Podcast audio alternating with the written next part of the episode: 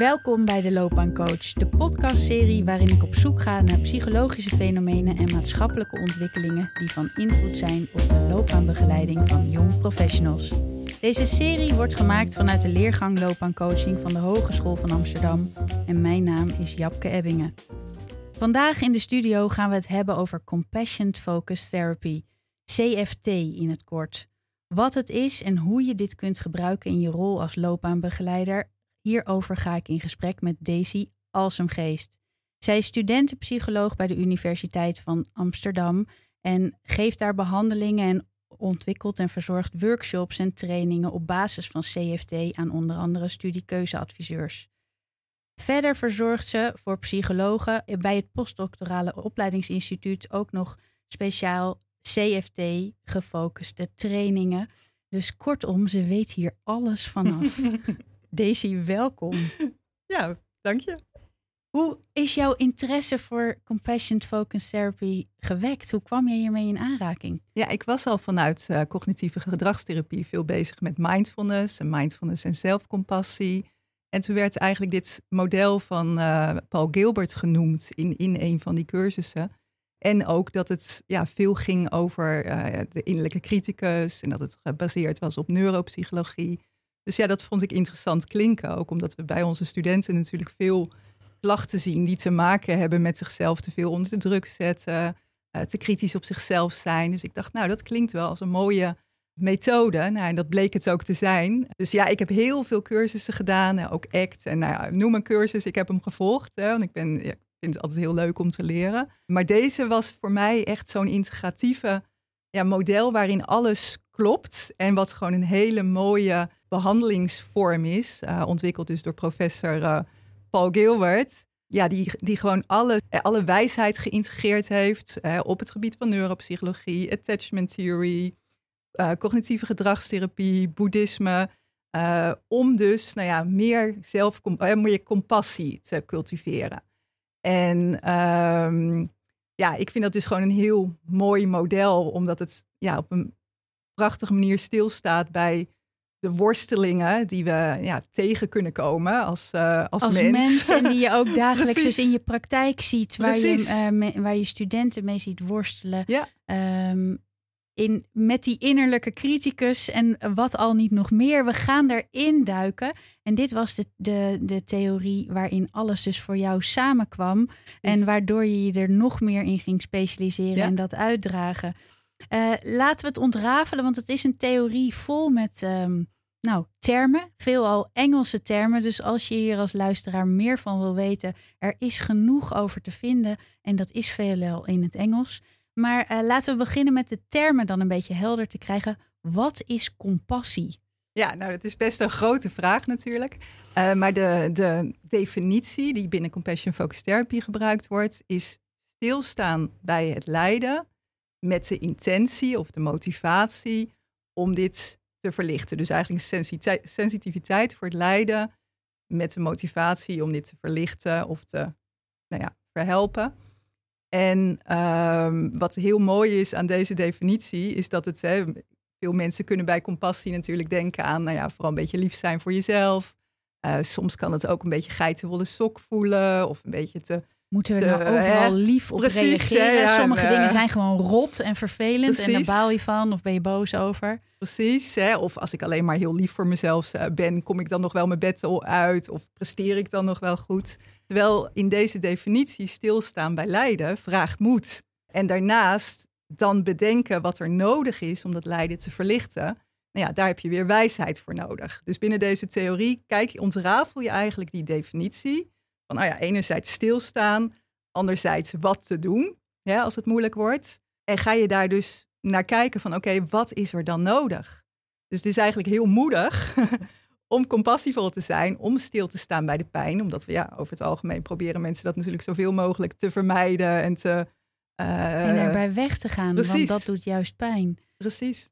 Stilstaan bij het lijden en van daaruit um, nou, toch weer beweging te creëren. Of... Ja, Ja, te kijken wat er nodig is. En dat te kan kijken soms wat er nodig is. iets doen zijn. En, soms zijn juist niks doen zijn. Oké, ik loop door je heen te praten. Dat geeft niks. Eh, soms is dat dus ook niks doen, zeg je. Precies. Ja, als je stilstaat bij dat lijden. En er vraagt moed voor nodig. Wat, mij, wat ik meteen me afvraag, Daisy, waarom is het zo moeilijk voor veel mensen, eh, en die herken ik zelf ook wel, om gewoon heel compassievol naar jezelf te kijken en naar je eigen pijn en ellende? Waarom is het makkelijker eh, vaak om eh, compassievol naar een ander te kijken en zijn haar pijn en lijden, dan naar je eigen pijn en lijden? Heb je daar een antwoord op? Nou, binnen dit model ga je ook uit van, van dat er drie flows van compassie zijn. Dus enerzijds compassie naar de ander, anderzijds compassie naar jezelf of compassie ontvangen. En, en, je merkt dus ja, dat bij de een dit meer ontwikkeld is, de ene flow meer ontwikkeld is dan de andere flow. En wat dan leuk is om je te realiseren als één flow goed ontwikkeld is, dus wat veel mensen dan zeggen van ja, ik kan het wel naar, naar een ander, dat je in elk geval wel al de competenties in huis hebt die je mogelijk nog wat meer kan uh, ontwikkelen. Dus naar jezelf bijvoorbeeld, als dat nodig is. En dat vind ik het leuke ook van dit model. Het is dus niet zo iets van, oh ja, je wordt met compassie uh, geboren en de een is daar gewoon heel goed in en ja, de ander heeft een hoop gemist. Dus nou ja, die heeft dan een beetje pech. Maar het is eigenlijk zoiets van, ja, het zijn bepaalde competenties, bepaalde eigenschappen die je meer kunt ontwikkelen, die je kunt cultiveren. En, en daar zegt Paul Gilbert ook over. En dat is bijna net als een, een athletes training, hè? Dus, dus een soort spiertraining. Uh, iets wat je elke dag weer, nou ja, met je intenties kan zeggen, oké, okay, hoe kan ik mijn compassievolle mindset uh, meer gaan ontwikkelen? Hoe kan ik beter voor Ja, mezelf, dus voor de ander zorgen? Het is dus niet een staat van zijn hoe je bent geboren. En misschien heb je de ene, maar misschien heb je het ene deel voor de ander of voor jezelf of uh, een compassionate zijn meer ontwikkeld. Maar je kunt het dus leren. Precies. En het is, vraagt dus ook onderhoud. Precies. Jee, Ja. en hoe gaan we dat dan leren? Daar komen we vast nog in deze podcast dan nog achter hoe je dat dan kan leren. Ehm, maar misschien nog even iets meer over die CF2. Je hebt, nou, uh, um, je hebt al wat dingen verteld over Paul Gilbert, de grondlegger hiervan. En de Compassion Focused Therapy uh, heeft drie motivatiesystemen. Zou je, ons, zou je die kunnen toelichten en ons meenemen in wat is die theorie? Ja, nou ja, compassie gaat natuurlijk ook over jezelf beter begrijpen. En in binnen de thera therapie wordt dus ook veel gebruik gemaakt van psycho-educatie om inderdaad onze motivaties, onze emoties beter te begrijpen. En um, in die psycho-educatie zit het drie-cirkelmodel, zo wordt het genoemd, wat onze motieven inderdaad organiseert in drie motivatiesystemen. Het dreigingssysteem, dus het systeem dreiging en beschermingssysteem. Dus het systeem dat ja, ons in actie brengt hè, als, er, als er dreiging is, hè, uh, als er acuut gevaar is. Dus ons vecht- en vluchtsysteem. Uh, dan hebben we het drijfverensysteem. Dat is het systeem dat gericht is op doelen bereiken en, en ons goed voelen als dat lukt. Hè. Dus nou ja, een, een systeem wat uh, in de loopbaancoaching natuurlijk gestimuleerd wordt. En dan hebben we het uh, veiligheidssysteem. Het systeem wat helpt stabiliseren, tot rust komen, herstellen. En um, nou ja, de psycho-educatie over die systemen is dat je eigenlijk je bewuster wordt van oké, alle drie die systemen zijn nodig in, in het leven. Uh, we moeten kunnen reageren op dreiging, we willen onze doelen bereiken, maar we moeten ook weer herstellen. Alleen het kan uit balans raken. En het kan uit balans raken doordat bijvoorbeeld het dreigingssysteem overalert is, overgeactiveerd is en eigenlijk ons sympathisch zenuwstelsel te veel aanstaat. En we in een soort tunnelvisie zitten. En dat vanuit die basis, zeg maar vanuit dat systeem, we ook uh, nou ja, onze drijfveren gestimuleerd worden.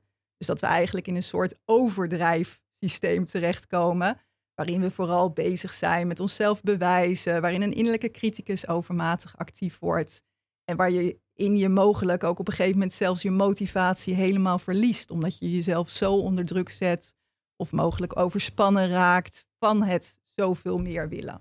Dus die systemen die haken in elkaar in Dus als zo dat het dreigingssysteem wat uh, vechten en vluchten in gang zet, uh, wat het sympathisch zenuwstelsel aanstuurt, uh, kan dan doorslaan in het doelen en um, doelen gestuurde systeem. Precies, ja. En dan kun je dus afvragen, zijn de doelen nog wel echt oprecht? Wat voor soort doel is het? Precies, dan zit je dus niet meer in, hè, bij je intrinsieke motivatie, maar gaat het meer over ja, in plaats van uh, gedreven zijn, gaat het meer over streven en bewijzen. En, uh, is wat jij net noemt overdrijven. In overdrijven en streven. Dan, wordt, dan wordt gedreven, ja. wordt dat. En nog even over dat safe brain of dat goed voelen, dat veilig, uh, die stabilisering. Ja, je wil eigenlijk dus dat, dat, dat, want dat systeem dat brengt uiteindelijk de boel weer in balans. Uh, dus dat is een systeem wat binnen Compassion Focused Therapy ook heel erg gestimuleerd wordt. Omdat op het moment dat jij ontspannen bent, gestabiliseerd bent, uh, veilig bent, ben je ook veel beter in staat om te leren, om te groeien, om te ontdekken, om te spelen. Um, en, en is dat natuurlijk de ideale basis om van waaruit je eigenlijk wil dat het drijfverensysteem uh, gestimuleerd wordt. En eigenlijk wil je dat vanaf daar dus de doelen ontstaan.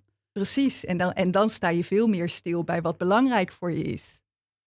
En wat voor soort mensen zie jij in jouw praktijk uh, voorbij komen? Bij wat voor soort klachten werkt dit goed? Ja, nou, ik, wat ik dus er zo, hè, waarom ik er ook zo enthousiast over ben, is dat als je dit bij studenten gebruikt of bij promovendi gebruikt, uh, al bij de psycho-educatie hebben mensen zoiets van: hé, hey, wacht even ik denk altijd, wat, wat, wat, wat gebeurt er allemaal in mijn hoofd? En hè, ik, ik kan er soms niet zo'n grip op krijgen waarom ik mezelf nou zo hè, over de kling jaag bijvoorbeeld. En dat ze eigenlijk door zich bewust te worden van, hé, hey, uh, dit systeem wordt hier of daar heel erg door getriggerd. En hoe kan ik dat andere systeem weer wat meer, nou ja, triggeren, wat meer uh, online krijgen? Uh, geeft dat ook veel meer houvast en ook inzicht en ook zelfbegrip. Uh, heeft het ook een beetje een onschuldigend effect natuurlijk. Hè? Van, want mensen zitten zich vaak ook nog eens heel erg op de kop over van ja, heb ik me weer, uh, ben ik overspannen, zo stom van mij. Krijg je nog extra zweepslag precies, eroverheen? Precies.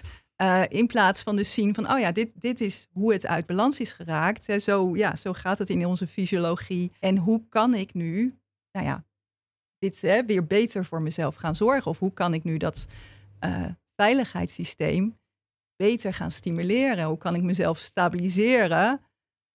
Om, op een andere manier. Krijgen. Dus jij zegt die psycho-educatie, dit doet al het eerste deel. Ja. Daarbij komt, komen mensen al een beetje soort van in het inzicht, oh, dit is er met mij aan de hand. En dan, hoe ga je dan vervolgens uh, met mensen aan het werk? Ik bedoel, hoe, werk, hoe merk je of in welk systeem iemand zit? Je zei natuurlijk net al het voorbeeld van die criticus. Nou, die is duidelijk niet compassionate bezig. Ja, nou, het, het leuke wat ik al zei, hè, van het, is, het, ja, het gaat echt over hè, dat we allemaal in hetzelfde bootje zitten hè, of hetzelfde schuitje zitten. Uh, dat we allemaal mensen zijn, dat we het allemaal te maken hebben met nou, dat het uh, in ons hoofd wat rommelig kan, kan gaan met onze motivaties.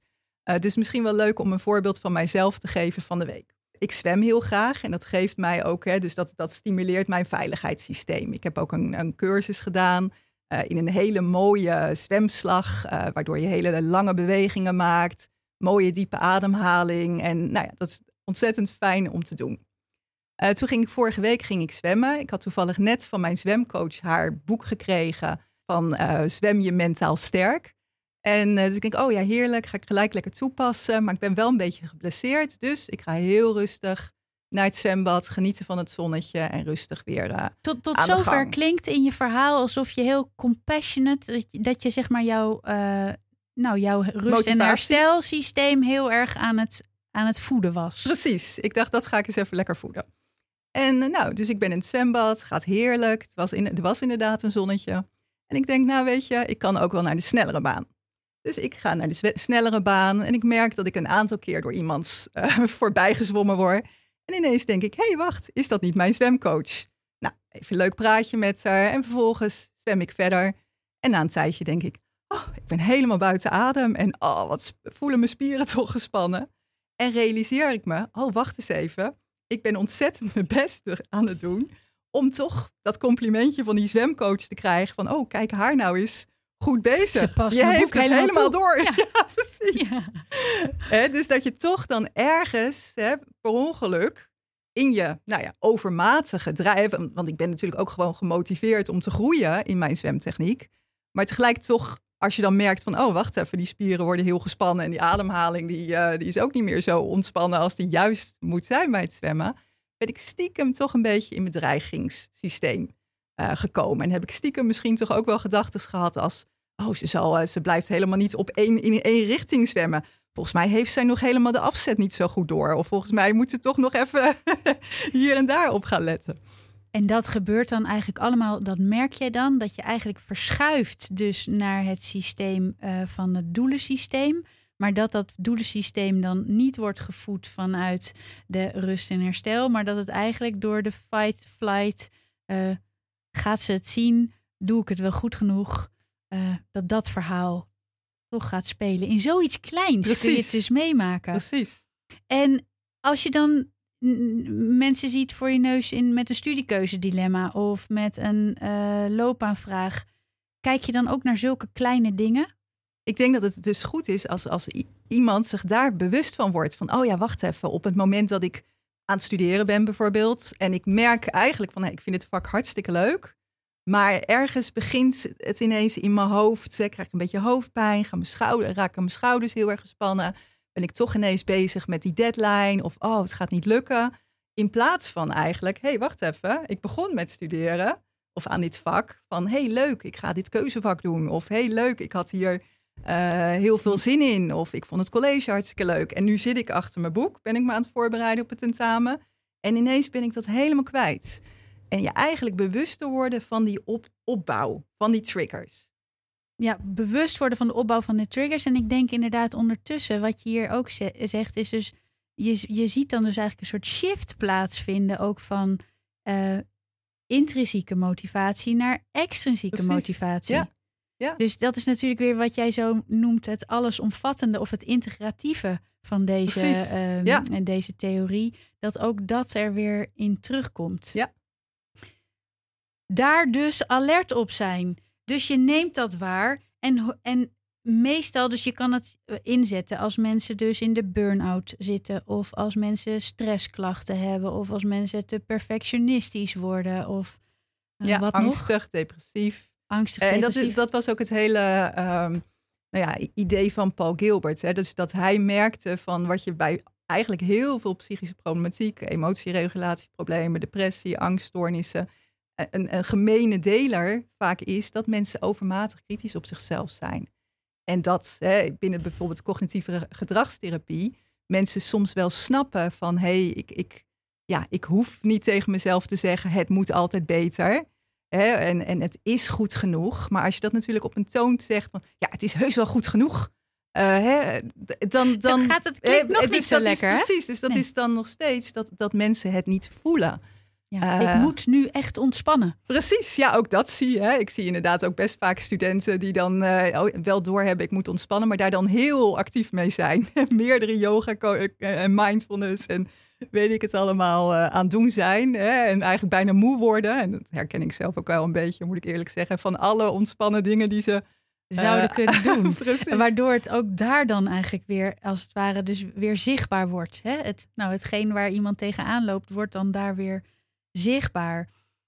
Hoe stimuleer je dan dat? eh, want het gaat er dus meestal om, dat is natuurlijk de sleutel van het compassion, ehm, om die balans te herstellen. Hè? Dus Klopt. om vooral die safe brain, omdat daar zit vaak de sleutel. Hè? Ja, klopt. En, en die stimuleer je en eh, door diepe ademhaling, door te vertragen, door je manier van praten, je toon, je manier van kijken en eigenlijk dus ook veiligheid te scheppen. En, en zo je parasympathisch zenuwstelsel te stimuleren. Dus op het moment dat je diep ademhaalt, op het moment dat je vertraagt, en ik ben het nu Je een bent aan het beetje doen. aan het doen. Ja, hè, want ik had me voorgenomen van, oh ja, ik ga heel rustig praten. Eh, maar in mijn enthousiasme ben ik dat natuurlijk eh, weer kwijtgeraakt. Eh, maar, het, maar het hele idee is van, nou ja, in een therapie hè, of, of in een, in een loopbaangesprek is het natuurlijk heel fijn als je eindelijk eens de ruimte krijgt om stil te staan. Hè? Want dat, nou ja, dat is natuurlijk compassie. Stilstaan bij ja, wat speelt er eigenlijk bij je?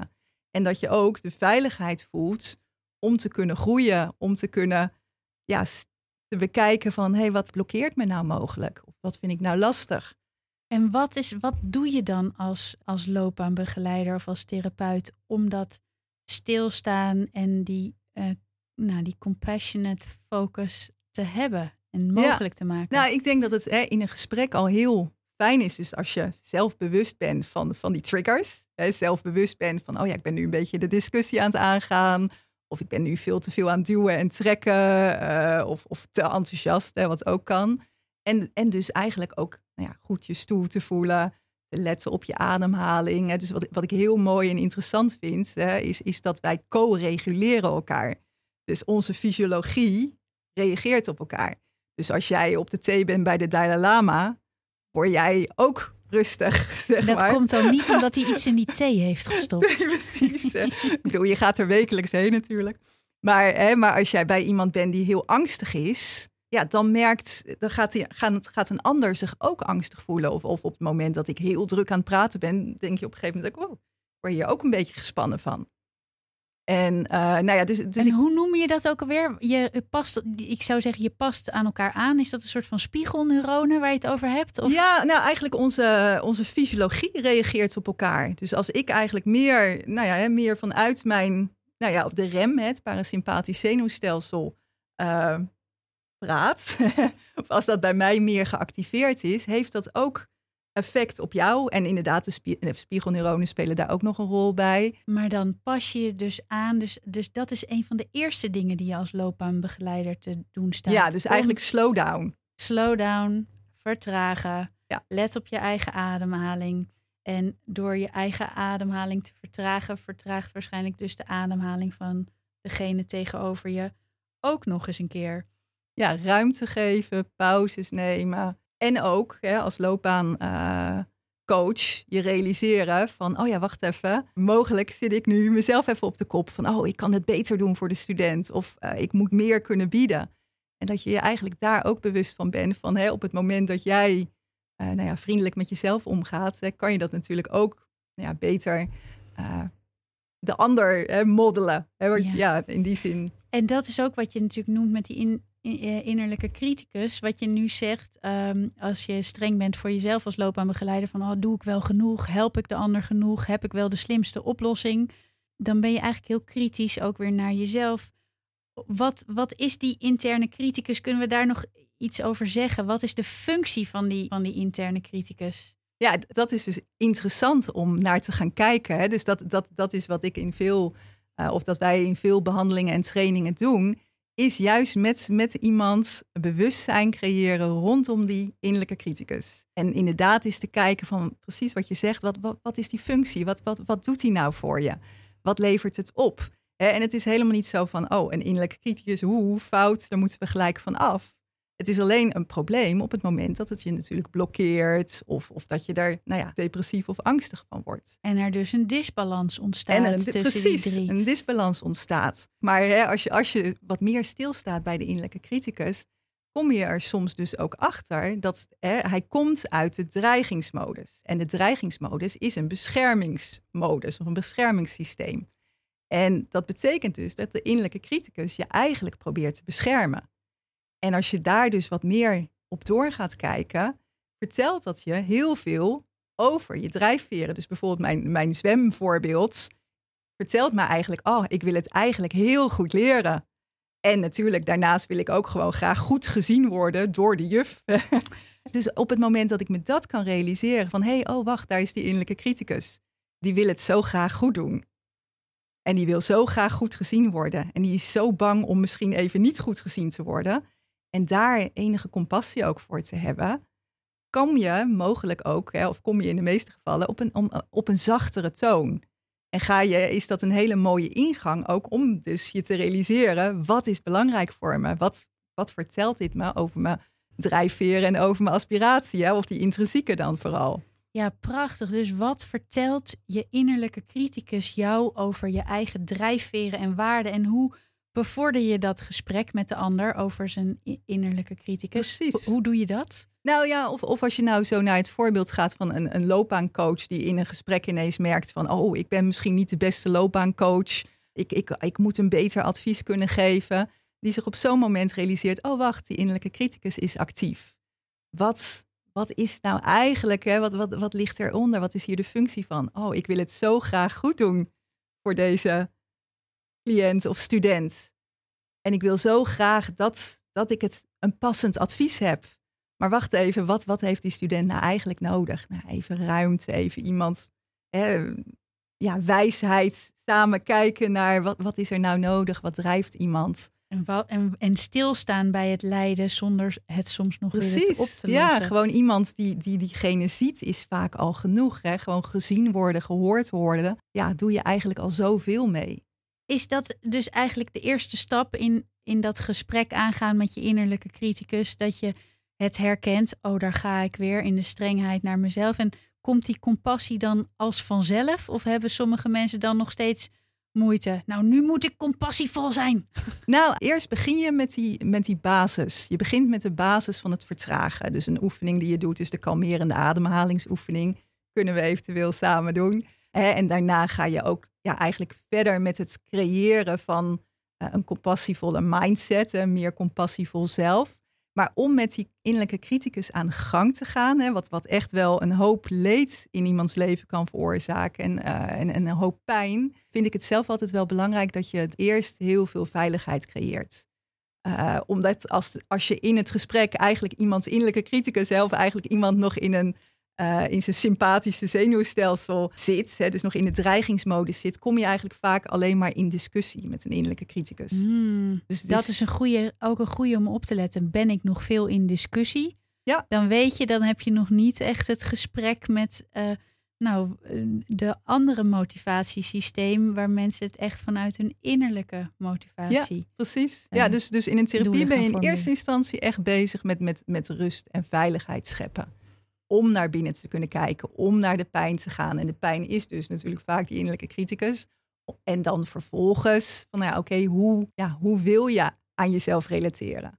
En ook natuurlijk van, kan je ook je doelen bereiken met een meer compassievolle mindset? En dat is dus mijn ervaring, uh, dat mensen veel efficiënter zijn en veel meer plezier hebben als ze leren of studeren of, of, of wat ze dan ook doen en werken uh, vanuit juist dat veiligheidssysteem, vanuit dat soothing systeem. Omdat ze dan dus ook flexibeler kunnen denken, creatiever kunnen zijn en niet in die tunnelvisie van de innerlijke criticus zitten. En hoe zien compassievolle doelen er dan uit?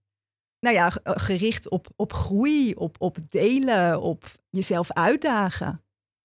Maar dan zonder de beloning van gezien worden door een leermeester, uh, maar jezelf uitdagen op die persoonlijke groei of de dingen die je echt belangrijk vindt in het Precies, leven. Precies, wat minder dus de ego-doelen. Dus minder bezig zijn met status, maar meer bezig zijn met, nou ja, hey, ik vind mhm. dit ontzettend interessant en ik wil hier veel over delen of ik wil, wil hier veel over weten of ik wil hierin groeien en ik vind het leuk mezelf nou ja, hier verder in uit te dagen. En daar komen soms natuurlijk ook wel eens frustraties bij kijken, want niet alles is leuk. En ook daar, hè, nou ja, oké, daar ook weer steunend mee omgaan steunend mee omgaan. Ja, en dat vraagt dan, en dat vraagt dan weer die moed, hè, waar je mee begon precies. Aan, het, ja. uh, aan het begin. Uh, stilstaan bij het moeilijke en die wijsheid en door wat te doen. Um, is dit voor iedereen mogelijk of moet je therapeut zijn om dit te kunnen doen? Of kan je dit als loopbaanbegeleider naar het luisteren van deze podcast ook? Nou, ik zou me kunnen voorstellen dat je in eerste instantie begint als loopbaancoach met het vooral bij jezelf toepassen. En ik zou me ook kunnen voorstellen dat, dat de psycho-educatie over deze systemen uh, ook al heel behulpzaam kan zijn. Uh, hè, dus, dus dat je met iemand kan kijken van hé, hey, waar komen je drijfveren uh, nu vanuit? Maar ik denk dat de basis is dat je als loopbaancoach die veilige sfeer creëert om te groeien en te ontdekken. In jezelf. Verbeter de wereld, begin bij jezelf. Precies, precies. ja, dat je dus daar dat gaat en dan gaat, eh, gaat eigenlijk waarschijnlijk de ander als automatisch mee. En die psycho-educatie kan daar ook een hele uh, mooie stap in zetten. Waar ligt volgens jou de grens tussen therapie en, en loopbaancoaching? Wanneer moet je als loopbaancoach alert zijn en zeggen, nou, nu moet je iemand, nu zit iemand zo vast in een van die drie systemen. Stel dat je dat goed leert te observeren. Wanneer moet je echt doorverwijzen? Ik vind het altijd een lastige, inderdaad. Ik denk dat het, ehm, ja, als iemand echt verstrikt zit, hè, dus, dus als je echt merkt van, uh, er is geen enkele flexibiliteit meer en, en het leidt echt tot nou ja, echt, echt, echte mentale problemen. Uh, ja, dat je dan verwijst naar een psycholoog. Dus als, als er toch echt op een gegeven moment sprake wordt van klachten die echt wel ja, psychisch zijn natuurlijk. En dus klachten die langer aanhouden en vooral daar begon je mee dus geen beweging zit. Als je eigenlijk het gevoel hebt iemand zit echt helemaal vast en de dingen die ik nu aanreik, dat werkt niet voldoende. Precies. En die innerlijke criticus kan natuurlijk wel, hè, dat veiligheidssysteem kan ook natuurlijk door uh, ja, eerdere ervaringen in het leven of gemiste ervaringen of, of uh, hechtingsproblemen uh, ook minder ontwikkeld zijn. Dus dan kan het zelfs zo zijn dat, dat iemand een beetje angstig wordt, juist als, het, als diegene meer tot rust komt. Dat is dus wel het deel waarvan ik denk van nou daar is het toch wel belangrijk dat je inderdaad wel uh, nou ja, goed geschoold ben als psycholoog. En, en ook ja, precies weet van wat ben ik aan het doen en waarom ben ik het aan het doen. Dus omdat ik zelf geen loopbaancoach ben, vind ik het ook lastig om daar een goed antwoord op te geven, merk ik. Ik denk dat, dat het belangrijk is om je steeds af te vragen van ja, wat, wat is mijn doel, wat is mijn functie? En dat je van daaruit ook beter, ik, ik denk ook, een veiligheidssysteem heeft ook met begrenzing te maken dus, dus het veiligheidssysteem is dus niet alleen maar, goh, ik ga nu alleen maar naar de spa en alleen maar ontspannen dingetjes doen. Maar betekent soms ook van, nou oké, ik, ik, ik moet even voor mezelf opkomen om beter voor mezelf te kunnen zorgen. En ik denk dat dat ook geldt van als je uh, kijkt van waarin en wat pas je toe als loopbaancoach, dat je ook, ook naar de, de student of je cliënt wel heel duidelijk de begrenzing hebt van ja, wat jij wel en niet biedt wat kan je wel en niet aan? En kan je dan ook, als je gaat stilstaan bij dat lijden, heb je dan ook de equipment uh, om, om, bij dat lijden, wat er dan mogelijk vrijkomt, om daarbij stil te blijven staan? Wat maak je open, zeg maar? Ja. Nou, dan weet ik dat sommige loopbaanbegeleiders dat best wel spannend vinden en daardoor soms ook niet dat gesprek aangaan, omdat ze weten dat er veel speelt. Uh, terwijl dat misschien juist wel soms ook weer heel veel ruimte kan geven en wel weer de juiste beweging om de juiste compassievolle motivatiedoelen te ontwikkelen. Ja, ja. Dus nou, zoek daarin. Weet, weet goed wat je eigen doel is en wat je functie is erin. En zorg voor helderheid over wat wel en uh, wat niet. Maar, en gaat vooral eerst eens even op jezelf experimenteren. Precies. En jij zei, ik heb een ik heb een mooie oefening die ik daar wel met jou zou willen doen. Is dat een oefening die uh, loopbaanbegeleiders die nu luisteren morgen meteen zouden kunnen toepassen? Bij zichzelf, ja. Ja? Nou, uh, kom maar door. En ik wilde, ik wilde eigenlijk daarmee uh, beginnen. Ik was eigenlijk van plan van, oh ja, jij begint nou met allerlei vragen. En dan zeg ik, nee, wacht eens even, wij gaan dit eerst toepassen. Maar goed, iets, iets in mijn enthousiasme is daar toch hup, helemaal weer. Uh, in welk systeem zou Daisy zijn terechtgekomen? ik weet het niet. Is het uit enthousiasme of is het toch uit de impact van de studio? Ja, of jezelf alles, niet weten? Alles. alles. Nee, Dan doen we hem als uitsmijter. Kijken of het, uh, kijken of het werkt. Ja, en wat we, wat we gaan doen is het compassievolle zelf cultiveren. En dat is eigenlijk een soort acteeroefening. Dus in de zin van uh, fake it till you make it. Hè. Dus veel mensen zeggen misschien van ja, nee, maar uh, ik, ik, ik kan dat niet of ik heb dat niet. En dan, dan is het mooie dat je kan zeggen van nou ja, maar dat hoeft ook niet. Want je kunt ook gewoon doen alsof. En, hetzelfde doen als, als method actors, hè, die, die zich voor, ja, voorbereiden op een rol door helemaal in iemands huid te kruipen.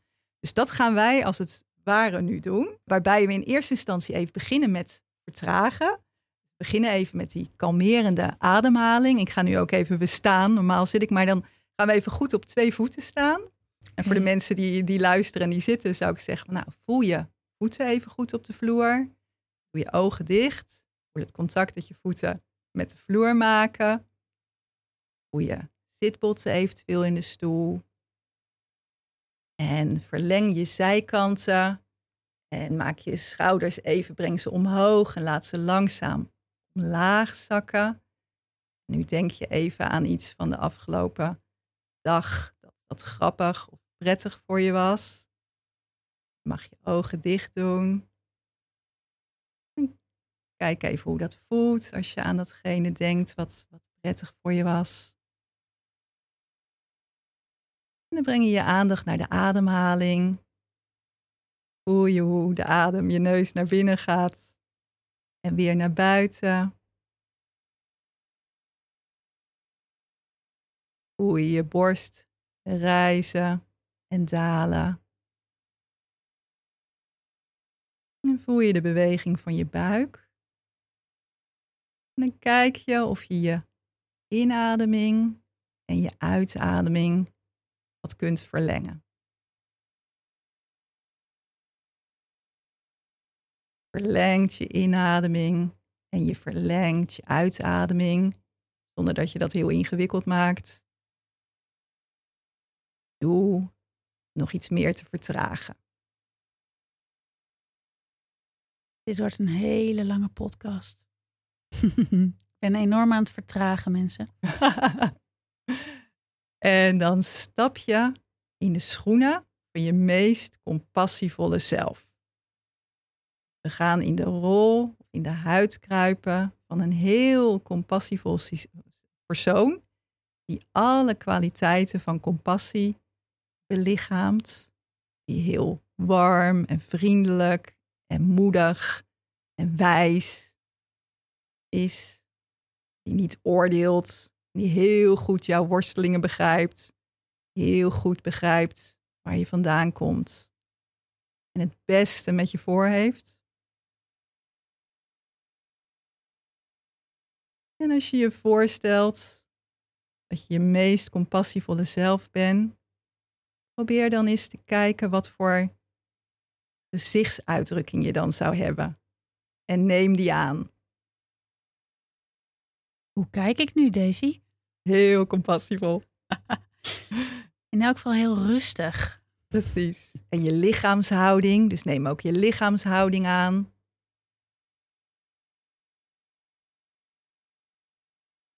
En wat voor, wat voor toon heeft je meest compassievolle zelf? Dingen zegt hij? In welk tempo? Op wat voor manier? En zo kan je dus hè, ehm, ja, oefenen, elke dag even stilstaan bij van hé, hey, hoe kan ik vandaag mijn meest compassievolle zelf zijn? En als het ware ook eventjes nou ja, die jas aantrekken.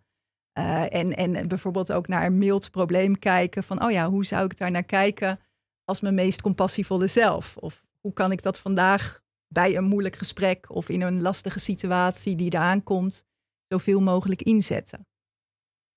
En nou hebben we deze oefening heel snel gedaan. Hè? Je begrijpt dat we daar uh, hele, hele sessies en uh, in trainingen heel veel tijd aan kunnen besteden. Maar dit was even om een klein beetje een indruk te geven ehm, nou ja, hoe dat eruit ziet. Dit is een prachtige oefening om, om mee te beginnen voor de luisteraar en om mee door te gaan als je hem al kent. En um, ik vind het een prachtige oefening om nu deze podcast mee af te sluiten vol wijsheid en liefde en, um, en ook moed om dit te doen. En um, ik denk, wat ik heb ontdekt in, de, in, deze, in deze oefening zelf, is dat ik denk dat, dat ik daarom het vak van loopbaanbegeleiding en het vak van podcast maken zo ontzettend leuk vind.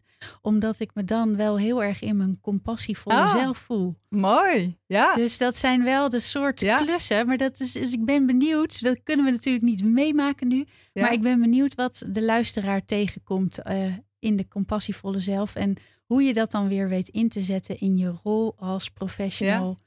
Daisy, ontzettend bedankt dat je hier was om al jouw wijsheid en liefdevolle blik um, met ons te delen. Uh, dit was de Loopbaancoach. We zijn te vinden in iTunes, Soundcloud, Spotify of via de website www.hva.nl/slash loopbaancoaching. Ook zijn we te volgen op Instagram, de underscore loopbaancoach. Zeg het voort. En dit was het weer, deze aflevering. Leuk dat je luistert.